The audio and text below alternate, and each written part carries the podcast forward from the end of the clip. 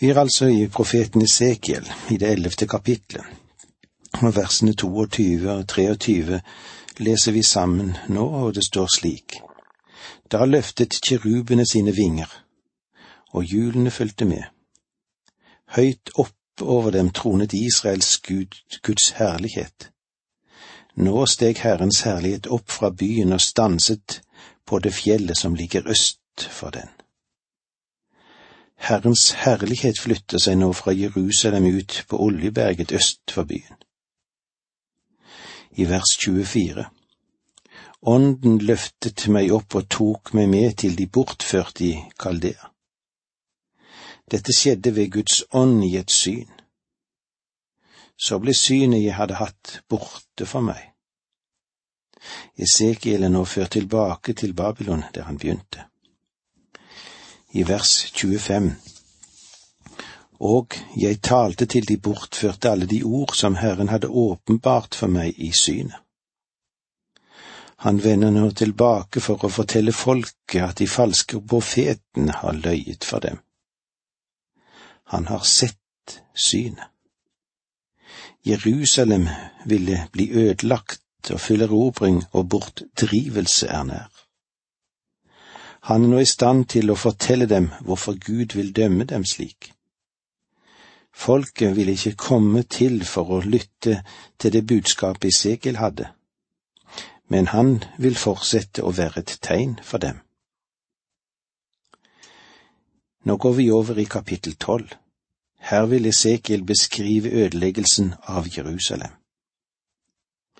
I dette kapitlet så åpner det med et avsnitt der Esekiel fortsetter med å fortelle at dommen, den er nær forestående. Men folket, folket vil ikke tro. Det er viktig her at forkynnelsen av Guds ord blir båret frem på en rett måte. Og Esekiel, han må forsikre seg om at han gir folket Guds ord. I det første verset i det tolvte kapittelet i Esekiel leser vi slik. Herrens ord kom til meg, og det lød så. Fem ganger i dette kapittelet i vers 1, 8, 17, 21 og 26 så sier Esekiel, Herrens ord kom til meg, og det lød så. Skjønner du at det Esekiel vil understreke og forsøke å fortelle folket, er at han gir dem Herrens ord. Alt det andre, det er uvedkommende. Vers to Menneske, du bor midt iblant en trassig ett, et folk som har øyne å se med, men ikke ser, og ører å høre med, men ikke hører for de er en trassig ett.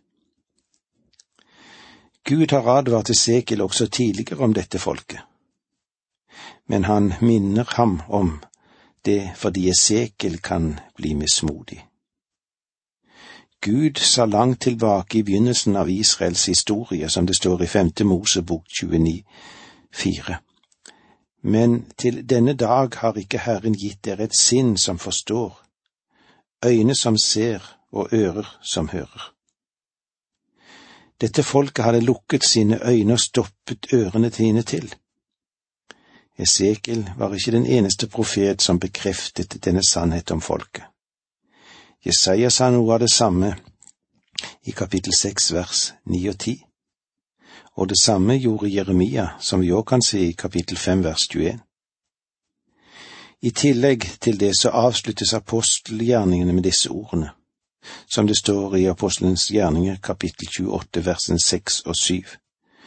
Gå og si til dette folket, dere skal høre og høre og ikke forstå, og se og se og ikke skjelne.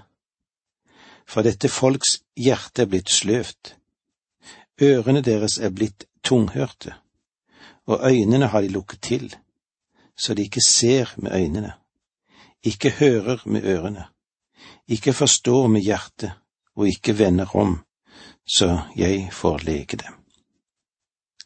Dette folket hadde lukket både øyne og ører. Når mennesker i dag sier at de ikke kan tro, så er det i vesentlig grad ikke et mentalt problem. Det er et spørsmål om hjertets vilje. De vil ikke tro. Noen sier at de har visse mentale og tankemessige reservasjoner. De har tankevanskeligheter som de ikke kan komme over. Ditt sinn er ikke stort nok til å skape en eneste vanskelighet. Problemet sitter aldri i sinnet. Problemet sitter i viljen. Der finnes synd i livet, og mennesket ønsker ikke å venne seg til Gud. De har ingen ønsker om å tro på ham. Israel er bare en liten miniatyr av verden. Det vil si Forholdene i Israel beskrevet her er også slik som forholdene er i verden. I sin vantro ånd har dette folket et lite mikrokosmos, Samme gjelder for hele verden i grunn. Og derfor er det nødvendig å følge oppmerksomt med i det Esekiels har å si oss gjennom sin bok. På grunn av Israels vantro vil ikke Esekiel bare forkynne dem en lignelse, men han kommer faktisk også til å dramatisere den. Esekiel, han var en glitrende personlighet, men jeg tror at han også hadde en god slump humoristisk sans. Og jeg ville likt å sett ansiktet hans når han dramatiserte den situasjonen som folket nå sto overfor. Jeg tror òg at Esekiel var litt av en skuespiller og hadde evnen til å kombinere alvoret med en satirisk snert. Skal vi se hva det står i versene tre til seks her i det tolvte kapittelet i Esekiel.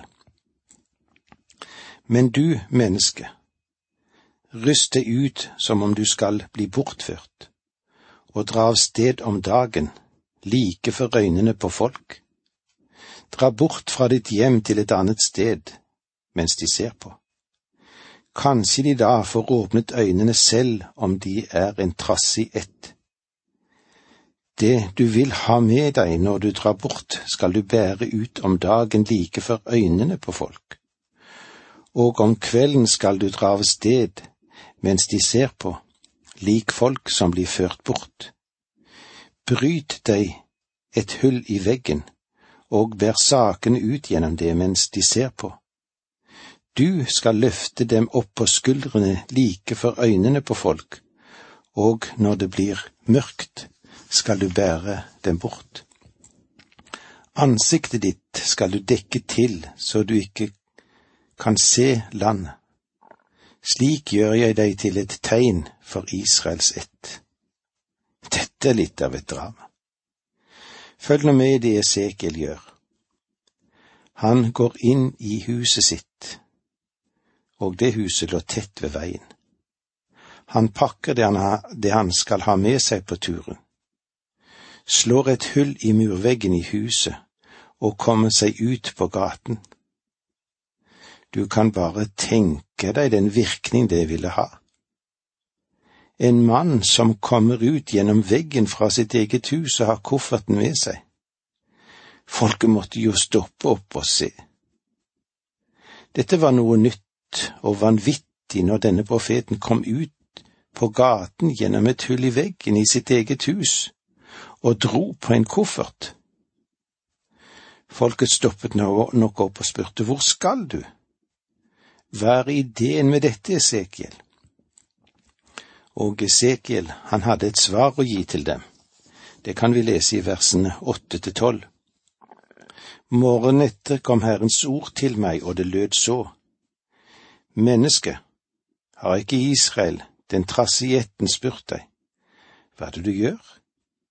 Du skal si til dem, så sier Herren Gud, dette domsordet gjelder fyrsten i Jerusalem og hele ætten av Israel som er i byen og du skal si, Jeg er et tegn for dere.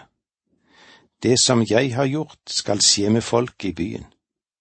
De skal føres som fanger til fremmed land. Fyrsten som er hos dem, skal ta sine saker på skulderen og dra bort når det blir mørkt. De skal bryte hull i muren og føre ham ut gjennom det. Ansiktet skal han dekke til, så han ikke kan se landet med sine øyne. Det var så langt vi kom i dag. Vi vil fortsette med dette når vi møtes igjen neste gang. Takk for nå, må Gud være med deg. Dette undervisningsprogrammet består av to deler. Åge Nevland fortsetter nå med andre del av dagens undervisning. Vi er i profeten Esekiel. Vi er kommet til det tolvte kapittelet, og vi ser hva, hvilket oppdrag Esekiel har fått. Dramatisk. Viktig. Og det er kanskje noe vi kan trekke lærdom av, vi som òg lever i dag. La oss lese fra vers åtte. Morgen etter kom Herrens ord til meg, og det lød så. Menneske, har ikke Israel, den trasietten, spurt deg, hva er det du gjør?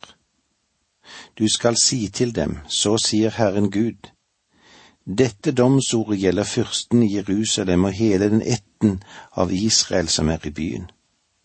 Og du skal si, Jeg er et tegn for dere det som jeg har gjort, skal skje med folk i byen. De skal føres som fanger til fremmed land. Fyrsten som er hos dem, skal ta sine saker på skulderen og dra bort når det blir mørkt. De skal bryte hull i muren og føre ham ut gjennom det. Ansiktet skal han dekke til, så han ikke kan se landet med sine øyne. Sidkia var på tronen i Jerusalem, og de falske profetene sa til de bortførte, Hør, Nebukadneser har beleiret Jerusalem to ganger, og han har ført bort fanger, men han har ikke ødelagt byen. Han har ikke brent tempelet, og han henrettet heller ikke kongen. Dere kommer snart til å kunne vende tilbake til landet. Dette er ingenting å bry seg om. Men Esekiel, han har noe å si til de. Jeg har nyheter til dere.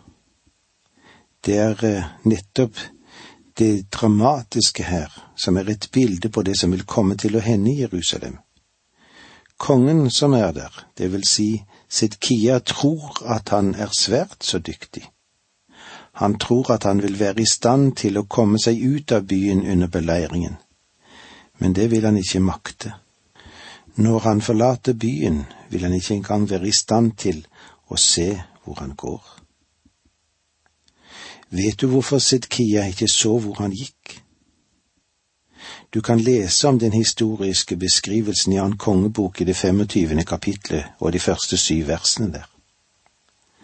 Nebukaneser stakk øynene ut på ham. Sidkia var en sleip, en ond fyr, og han hadde brutt avtalen med Nebukaneser. Nebukaneser, hedningekongen, hadde større ærefølelse enn den mannen som satt på Israels trone. Det er ikke noe som skader kirken mer i dag enn uærlige, uhederlige kristne spesielt når det dreier seg om lekfolk som er aktive i Herrens tjeneste, men i sin forretningspraksis har en slett moral.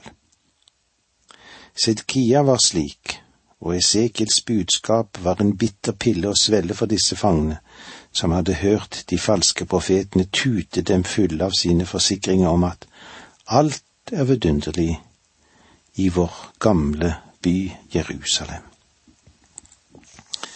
La oss lese litt videre fra vers 17 i det tolvte kapitlet. Herrens ord kom til meg, og det lød så. Menneske, ditt brød skal du spise skjelven, og vann skal du drikke med frykt og beven. Og du skal si til folk i landet, så sier Herren Gud om dem som bor i Jerusalem, i Israels land. De skal spise sitt brød med frykt og drikke vann med redsel.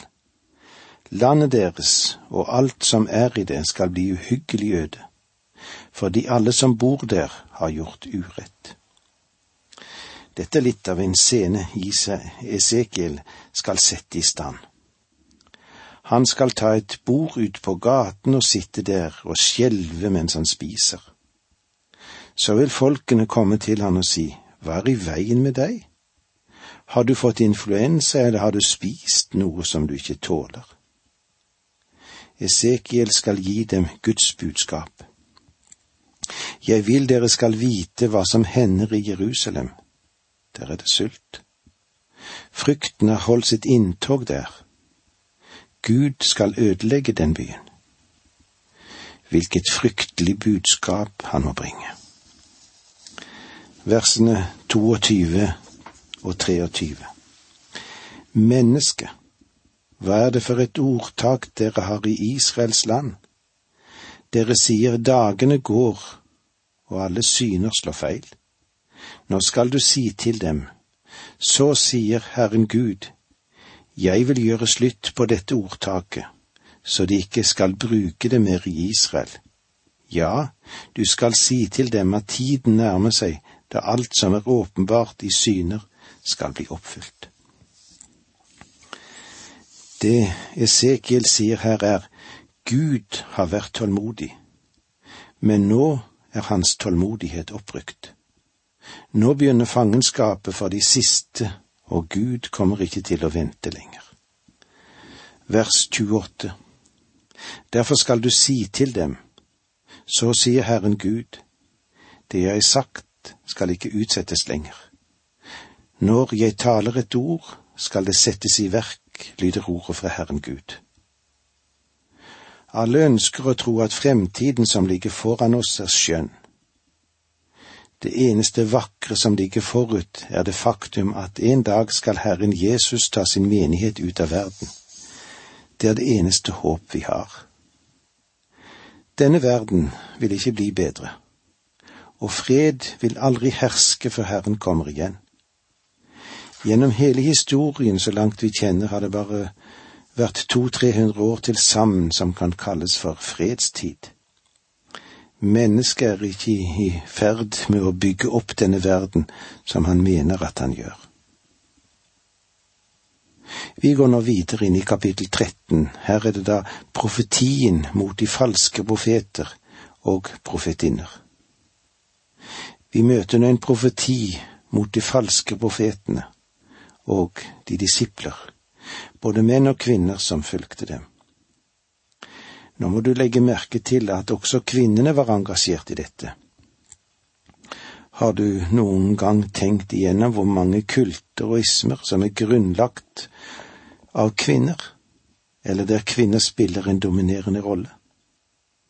Kanskje det ikke er så populært å si det, men det var i alle fall sant på Esekiel sin tid, og det er ikke blitt mindre sant i historien som kom etter han. I de tre første versene i kapittel 13 i Esekiel så fortsetter han å forkynne Guds ord. Herrens ord kom til meg, og det lød så. Menneske, tal profetord om de profetene i Israel som driver og spår. Til dem som spår av egen lyst, skal du si, hør Herrens ord. Så sier Herren Gud, ved profetene, de dårene som følger sitt eget sinn og ikke har hatt syner. Hva var problemet? Disse profetene profeterte av egen lyst. Må Gud ha nåde med oss som står på prekestolen og bare bringer våre egne synspunkter og ikke er trofaste mot Guds ord. Selvfølgelig er det mulig å gjøre et mistak når det gjelder en tolkning. Det gjelder oss alle. Men la meg få lov til å gjøre det helt klart at jeg ønsker å tolke det er Guds ord. Disse menn det her er snakk om, de kokte bare suppe på sine egne tanker. Gud hadde ikke gitt dem noe å gå med, og deres stadig gjentatte budskap var dette. Alt er i skjønneste orden i Jerusalem. Vers 17 og 18 i det trettende kapitlet. Og du menneske, vend deg mot de kvinnene i ditt folk som spår ut fra sitt eget sinn. Tal profeto mot dem og si, så sier Herren Gud, ved de kvinner som syr bind til alle håndledd og lager slør til hodene. Alt etter størrelsen, for å få mennesker i sin makt. Dere driver jakt på menneskeliv i mitt folk, og holder mennesker i live til egen vinning. Esekiel skal ta kraftig til motmæle mot de falske spåkvinnene. Vend deg mot de kvinnene i ditt folk som spår ut fra sitt eget sinn. Tal profetord mot dem. I første Mosebok kapittel ti vers åtte og ni blir Namrod kalt en mektig jeger for Herren. Det han jaktet på, var menneskesjeler. Det er også det de falske kultene gjør. De jager også etter menneskene sine sjeler. Det var også kvinner som var engasjert i dette. I 2. Peter 2.1 skrev apostelen det slik. Men det fantes også falske profeter i folket, og på samme måte skal de opptre vranglærere blant dere. De skal lure inn vranglæren som fører til undergang, og til og med fornekte den Herre som har løskjøpt dem. Dermed fører de seg selv snart i fortapelsen. I dag finnes det mange kvinner som er engasjert i spiritisme og spådomskunst, og opptrør som medier. Dette er en skremmende utvikling, og noe som vi bør være oppmerksom på. Men det var så langt vi kom i dag. Takk for nå, må Gud være med deg.